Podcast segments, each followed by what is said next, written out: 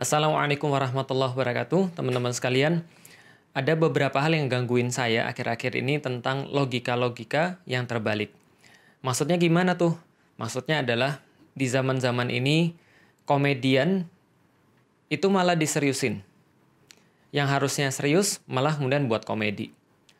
Orang-orang hukum yang harusnya mereka menyelidiki, mereka detail dalam sesuatu. Eh malah mereka buat sesuatu yang buat orang ketawa. Sebaliknya, para pelawak-pelawak yang harusnya membuat orang tertawa justru malah bisa lebih selidik dan bisa lebih detail daripada ahli hukum. Sesuatu yang sudah pasti-pasti malah dipertanyakan. Dan sesuatu yang harusnya dipertanyakan itu malah nggak digubris sama sekali. Maka ini saya pikir adalah logika-logika terbalik yang ada di negeri plus 62 yang sedang berflower ini teman-teman sekalian. Dan inilah yang kita lihat pada zaman-zaman sekarang. Sehingga kita dibuat bingung sebenarnya logika apa sih yang dipakai sama penguasa-penguasa kita, pemerintah-pemerintah kita. Karena beberapa kasus-kasus terakhir ini khususnya yang kejadian pada Pak Novel Baswedan dan juga kejadian pada uh, rancangan undang-undang haluan ideologi Pancasila ini sangat mengganggu uh, kita semua. Sebelumnya teman-teman sekalian, manusia itu semuanya sama. Mereka punya satu namanya sense of justice. Dan sense of justice ini entah apa pun agamanya, entah apa pun kemudian pengalaman orangnya, referensi-referensi sebelumnya, entah di mana pun tinggalnya ataupun apa pun rasnya, dia punya sense of justice. Maka kalau kasusnya internasional, kita bisa lihat ketika kasus George Floyd yang kemudian meninggal diinjak kepalanya itu memancing sebuah sense of justice daripada semua orang. Maka bukan hanya Amerika yang bergerak, tapi seluruh dunia mereka merasa sense of justice mereka diganggu. Tapi itu mereka belum pergi ke Indonesia aja. Kalau mereka pergi ke Indonesia mungkin mereka mendapatkan hal-hal yang jauh lebih ngeri, tapi tidak pernah terekspos mungkin keluar atau mungkin ditutupin. Ada orang yang berseloroh, wah harusnya mungkin orang-orang Amerika, polisi-polisi itu belajar daripada polisi-polisi di Indonesia. Kalau sana belajar pada polisi di Indonesia itu juga ada yang ngeri juga. Tanggal 22, 23 Mei 2019 kalau saya nggak salah itu video-videonya sudah terekam bagaimana proses penyiksaan, kejadian-kejadian itu kemudian bukan hanya kepala yang diinjek pakai uh, pakai kaki, tapi segala sesuatu yang lebih sadis daripada itu. Ngomong-ngomong tentang sense of justice, teman-teman sekalian, sense of justice ini senantiasa akan muncul. Karena selama manusia itu ada, dia pasti diberikan sense of justice. Dia nggak suka ketika ada sesuatu yang nggak beres di depan dia. Misal, ketika ada orang bicara tentang kasus uh, Pak Novel Baswedan. Kasusnya tahun 2017, itu kemudian wajahnya disiram, lalu kemudian matanya menjadi buta, tapi penyelesaian kasus ini malah sangat lama sekali. Bahkan 2020 baru di sidang terdakwanya dan yang lebih lucu, jaksanya cuma nuntut satu tahun. Kenapa lucu? Karena ini mengganggu sense of justice. Kok bisa? Ada orang yang melakukan sebuah kejahatan secara terencana dan bukan kepada sembarang orang, tapi kepada orang yang menangani kasus-kasus besar. Yang harus orang-orang ingat adalah teman-teman sekalian, Pak Novel ini adalah orang KPK. Dia menangani satu kasus besar kasus korupsi, bukan satu kasus. Ada lima atau enam kasus bahkan yang saya baca. Kasus-kasus besar ini melibatkan orang-orang besar dan akhirnya dia disiram mukanya dengan air keras. Artinya apa? Ini bukan kejahatan biasa. Ini kejahatan karena menangani sesuatu yang besar, ini kejahatan karena orang tersebut kerjanya di KPK yang sedang mencium sesuatu yang besar juga. Kalau seandainya Pak Novel itu nggak kerja di KPK, itu nggak bakal disiram dengan air keras. Pastinya begitu. Dan lucunya lagi dikatakan kenapa satu tahun? Karena nggak sengaja.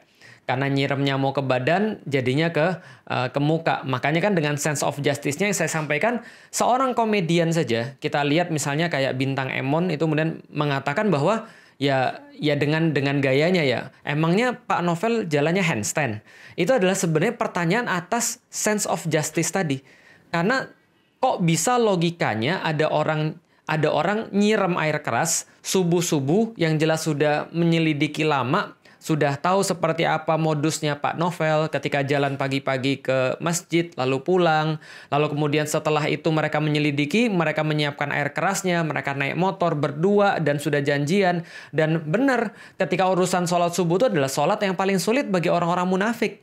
Tapi sayangnya ini ada orang-orang yang melakukan kriminal, mereka mau untuk sholat subuh atau bangun subuh, bukan sholat subuh, mau untuk bangun subuh bawa uh, air keras yang sudah dipersiapkan lalu kemudian disiram. Ini kan mengganggu rasa keadilan orang, sense of justice orang. Nah, ini problemnya. Sementara orang-orang yang kita tahu sebagai orang hukum yang harusnya adil, malah mereka nggak bergerak apa pun. Malah mereka cacat logika. Mereka nggak pakai kemudian pikiran mereka sama sekali. Kok bisa mengatakan nggak sengaja? Ngas kasusnya itu diselidiki, itu selama 2017 sampai 2020. Tiga tahun itu diselidiki, masa kemudian hukumannya cuma satu tahun. Dan sekali lagi, kita bukan urusan hukumannya, tapi mereka harus lihat bahwa ini adalah serangan terhadap sesuatu yang besar. Apa pesan yang pengen dikirim? Anak kecil juga tahu. Pesan yang pengen dikirim itu bukan main-main. Pesan yang pengen dikirim itu bukan pengen agar uh, ngancem atau apa pun, bukan ancaman biasa. Tapi pesan yang pengen dikirim adalah bahwa orang yang lagi diperiksa, atau orang yang ada kaitannya dengan kasus yang lagi diperiksa oleh Pak Novel itu punya kekuatan yang lebih besar bahkan daripada pemilik hukum itu sendiri. Bahkan daripada uh, apa namanya institusi hukum itu sendiri. Siapa institusi hukum itu sendiri? Ya siapa pun, legislatifnya mungkin, yudikatifnya mungkin, atau eksekutifnya mungkin. Bahwa kekuasaannya lebih besar daripada itu. Maka semuanya mingkem, semuanya seolah-olah menerima bahwa ini memang kasusnya harus begini adanya. Itu kan yang pengen disampaikan. Yang pengen disampaikan gitu kan ya. Contoh misalnya, kalau seandainya kita punya orang-orang teman-teman ya, kalau kita punya teman dulu ada yang petantang petenteng karena entah dia anaknya pejabat atau dia anaknya polisi atau dia anaknya orang yang punya kedudukan yang pokoknya ya anaknya orang berwenang lah. Kalau misalnya dia sudah kalah main lalu dia bilang nanti gue aduin ke bapak gue. gitu kan ya. Nanti ya lihat apa yang terjadi. Kenapa? Orang-orang kayak gini senantiasa merasa bahwa dia bisa break the rules. Dia senantiasa bisa untuk uh, tidak pakai aturan. Bahkan aturan itu adalah dia sendiri. Maka ya terserah dia, dia mau ngapainnya terserah dia. Maka logika kita menjadi bingung.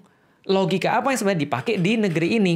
Ketika orang-orang yang komedian malah berbicara tentang satu kebenaran, orang-orang yang berbicara tentang satu kebenaran malah diam dan justru ngelawak. Orang-orang yang ada di bidang hukum, jaksa, hakim, ataupun segalanya, mereka dibayar untuk berpikir serius bukan untuk ngelucu.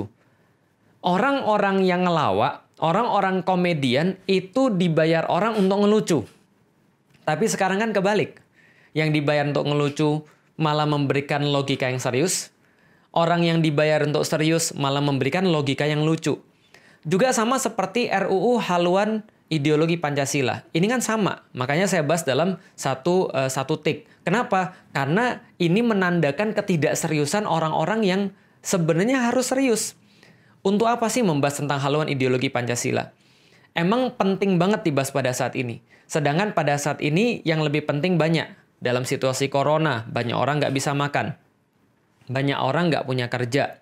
Harusnya yang dipikirin adalah gimana caranya agar orang-orang tuh bisa bertahan dalam kondisi kayak begini.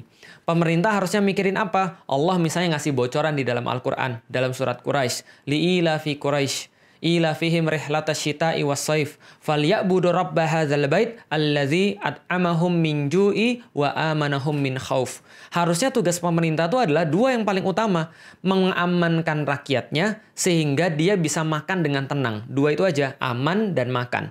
Karena kalau aman sudah terjadi, makan sudah terjadi, maka ada banyak yang bisa kita usahakan ke depan. Tapi sekarang mungkin nggak begitu. Yang mungkin terjadi adalah justru bahasa yang tidak penting itu. Nah, bagaimana cara mengerti logika yang kayak begini? Bisa kita mengerti kalau seandainya kita tahu apa sih yang paling penting bagi pemerintah pada zaman sekarang. Ternyata yang paling penting adalah yang sering dibahas. Apa itu? Terorisme, ekstremisme, radikalisme, lalu kemudian intoleransi dan segala macamnya. Jadi seolah-olah semua bahasan harus ke sana. Jadi seolah-olah kalau orang lapar nggak apa-apa, karena yang lebih penting adalah radikalisme. Seolah-olah keadilan itu kemudian buta, yang disiram mata, yang buta keadilan. Nggak apa-apa. Yang penting kita bebas daripada terorisme, intoleransi, dan seterusnya. Seolah-olah gitu. Kenapa? Mereka menciptakan momok sendiri, mereka menciptakan eh, bahaya sendiri, mereka menciptakan ancaman sendiri yang ancamannya sebenarnya nggak pernah terbukti. Intoleransi kita lihat nggak ada sebenarnya cuma dibuat-buat, dibesar-besarkan, diangkatlah tokoh-tokoh yang radikal, tokoh-tokoh teroris, tokoh-tokoh ekstrim, lalu kemudian seolah-olah inilah masalah terbesar negara. Jadi kalaupun ada korupsi nggak apa-apa, yang penting kita itu yang kita harus benci adalah orang radikal. Kalau seandainya ada orang koruptor lalu kemudian dibela, nggak apa-apa, yang penting dia tanda kutip nggak radikal. Yang penting dia tetap Pancasilais. Yang penting dia tetap NKRI. Jadi dosa terbesar sekarang bukan bukan sesuatu yang menyengsarakan umat Bukan sesuatu yang membuat orang jadi susah, tapi dosa terbesar sekarang adalah sesuatu yang nggak ada, yang dibuat-buat tadi yang saya sampaikan. Masalahnya di mana, yang ditangani di mana. Orang lapar, orang nggak aman, yang ditangani adalah haluan ideologi Pancasila. Dan yang dibahas adalah justru sesuatu yang aneh sudah bagus-bagus lima sila. Pengen kemudian diperas lagi, dijiwai dengan tiga sila. Lalu kemudian satu sila yang mengingatkan kita pada pembahasan-pembahasan zaman dulu. Ketika Bung Karno misalnya pengen memeras Pancasila menjadi Trisila dan uh, dan Eka Sila misalnya. Dan yang menjadi problem lagi adalah PKI, komunisme yang sudah jelas-jelas mengganggu negeri, yang sudah jelas-jelas pernah membantai dengan sadis, pernah mempertunjukkan sebuah kebiadaban yang sangat luar biasa, ini justru luput daripada bahasan. Tapi yang dibahas sekali lagi adalah pengen menciptakan monster sendiri yang sebenarnya nggak pernah ada. Khilafah, lalu kemudian orang-orang ekstremis Islam, lalu kemudian kadrun dan segala macamnya. Nah ini problem-problemnya. Ini kan sama kayak kasus yang tadi. Sebenarnya apa sih yang dipakai logika mereka? Logika mereka sederhana. Siapa pun yang bisa mengganggu kekuasaan saya, maka itu harus disingkirkan. Dengan cara apa disingkirkannya? Dengan cara framing. Pokoknya kalau saya sudah nggak suka dengan seseorang, ya tinggal framing aja bahwa mereka itu adalah terpapar radikalisme, terpapar ekstremisme. Yang penting jangan pernah ada yang mengkritik saya. Yang penting jangan pernah ada yang nggak suka sama saya. Atau yang ngulik-ngulik kesalahan saya yang bisa membuat saya mungkin nggak di tempat ini lagi. Maka itu maka itu make sense. Kejadian pada Pak Novel Baswedan menjadi make sense. Kenapa make sense? Karena mereka merasa bahwa ini adalah ancaman buat mereka. Make sense ketika mereka kemudian mengkriminalisasi uh, khilafah, mengkriminalisasi Islam, mengkriminal, mengkriminalisasi kemudian syariat. Lah kenapa? Make sense karena kalau seandainya orang-orang menjadi pintar, mau berpihak pada syariat, maka mereka nggak dipercaya lagi. Make sense banget. Maka logika plus 62 di negeri yang berflower ini, khususnya para pejabatnya, adalah logika kekuasaan. Adalah logika keserakahan. Apa pun yang mengganggu mereka, mereka pasti mau untuk menghilangkan menghilangkannya. Dan ini bukan terjadi baru-baru ini saja. Logika kayak gini itu sudah umum. Kejadian dulu pada Firaun. Firaun ketika mendapatkan bahwa dia punya sebuah threat, punya sebuah ancaman, maka dia coba hilangkan dengan berbagai cara. Walaupun sangat tidak manusiawi, walaupun sangat mengusik rasa keadilan manusia. Yastahyuna nisa'akum uh, yudzabihuna abna'akum wa yastahyuna nisa'akum. Dia kemudian memotong atau menyembelih laki-laki yang baru lahir lalu kemudian membiarkan hidup yang perempuan-perempuannya. Ini yang dia lakukan. Sebuah kebiadaban yang sangat luar biasa yang terjadi pada saat itu yang membuat orang tuh mengusik rasa keadilannya. Maka yang sekarang terjadi adalah di mana-mana teman-teman sekalian, yang pengen saya sampaikan adalah di mana-mana dari zaman penjajahan sampai dengan zaman sekarang, siapa pun yang pengen berbuat buruk, siapa pun yang pengen berbuat jahat, mereka harus melakukan sesuatu. Apa yang harus mereka lakukan? Mematikan akal manusia. Maka mereka mau agar manusia tidak berpikir, mereka mau agar manusia tidak terdidik, mereka mau untuk mensuplai manusia dengan ketakutan-ketakutan yang tidak beralasan dan sangat pas banget bahwa inilah kerjaannya syaiton. Apa kerjanya syaiton? Pertama, membungkus sesuatu yang jelek seolah-olah kelihatan bagus. Yang kedua, memperlihatkan yang bagus seolah-olah di framing dengan jelek. Yang ketiga, menakut-nakuti mereka dengan perkara-perkara yang tidak ada. Lalu apa yang dilakukan oleh syaiton berikutnya? Menyesatkan manusia daripada jalan Allah. Pada intinya, syaiton nggak mau kalau seandainya orang-orang dekat kepada Allah Subhanahu wa Ta'ala. Dunia sederhana cuma dilihat seperti tadi. Maka dengan cara pikir seperti ini kita jadi tahu logika apa yang dipakai oleh rezim zaman sekarang, oleh penguasa zaman sekarang. Dan ini mengusik rasa keadilan. Lalu apa yang harus kita lakukan? Banyak-banyak berpikir, banyak-banyak mencari ilmu, banyak-banyak kemudian memberikan nutrisi bagi kepala kita, bagi pikiran kita Karena itulah satu-satunya yang kelak insya Allah di masa depan akan membuat generasi-generasi muda punya rasa keadilan, lalu kemudian mereka bisa memenuhi rasa keadilan ini dengan hal-hal yang memang mereka bisa buat untuk kebaikan-kebaikan. Sehingga mereka tidak perlu lagi untuk bisa menertawakan orang-orang yang tidak adil, tapi mereka itulah yang insya Allah akan berbuat keadilan. Masya Allah teman-teman sekalian mudah-mudahan kita termasuk orang-orang yang senantiasa mempelajari sesuatu. Kita bukan hanya mengkritik, kita bukan hanya curhat, kita bukan hanya menyampaikan rasa uh, apa namanya unek-unek kita, tapi kita juga termasuk orang-orang yang mempelajari Islam agar kita tahu bahwa Allah memerintahkan kepada manusia untuk menjaga keadilan dan keadilan inilah inti daripada pemerintahan. Innallaha ya'murukum an tu'addul amanati ila ahliha. Fa idza hakamtum bainan nas antahkumu bil adl. Maka Allah perintahkan kepada kalian untuk senantiasa menyerahkan amanah itu pada ahlinya. Maka kalau Anda ahli hukum, berbuatlah secara adil, berbuatlah secara serius. Kalau Anda pelawak, maka buatlah orang-orang tertawa dengan cara yang baik, dengan cara yang syar'i. Kalau Anda adalah seorang polisi, maka berbuatlah dengan kewenangan Anda dengan sesuatu yang baik. Kalau Anda seorang pemimpin, maka pimpinlah kemudian dengan kewenangan yang baik. Fa'idha hakamtum bainan nas dan agar Anda tahu bahwa amanah itu apa, agar Anda ketika memimpin, ketika Anda menghukumi di antara manusia, memutuskan di antara manusia, Anda memutuskannya dengan adil maka itulah pemerintahan yang adil, pemerintahan yang takut kepada Allah Subhanahu wa taala. Wallahualam Assalamualaikum warahmatullahi wabarakatuh.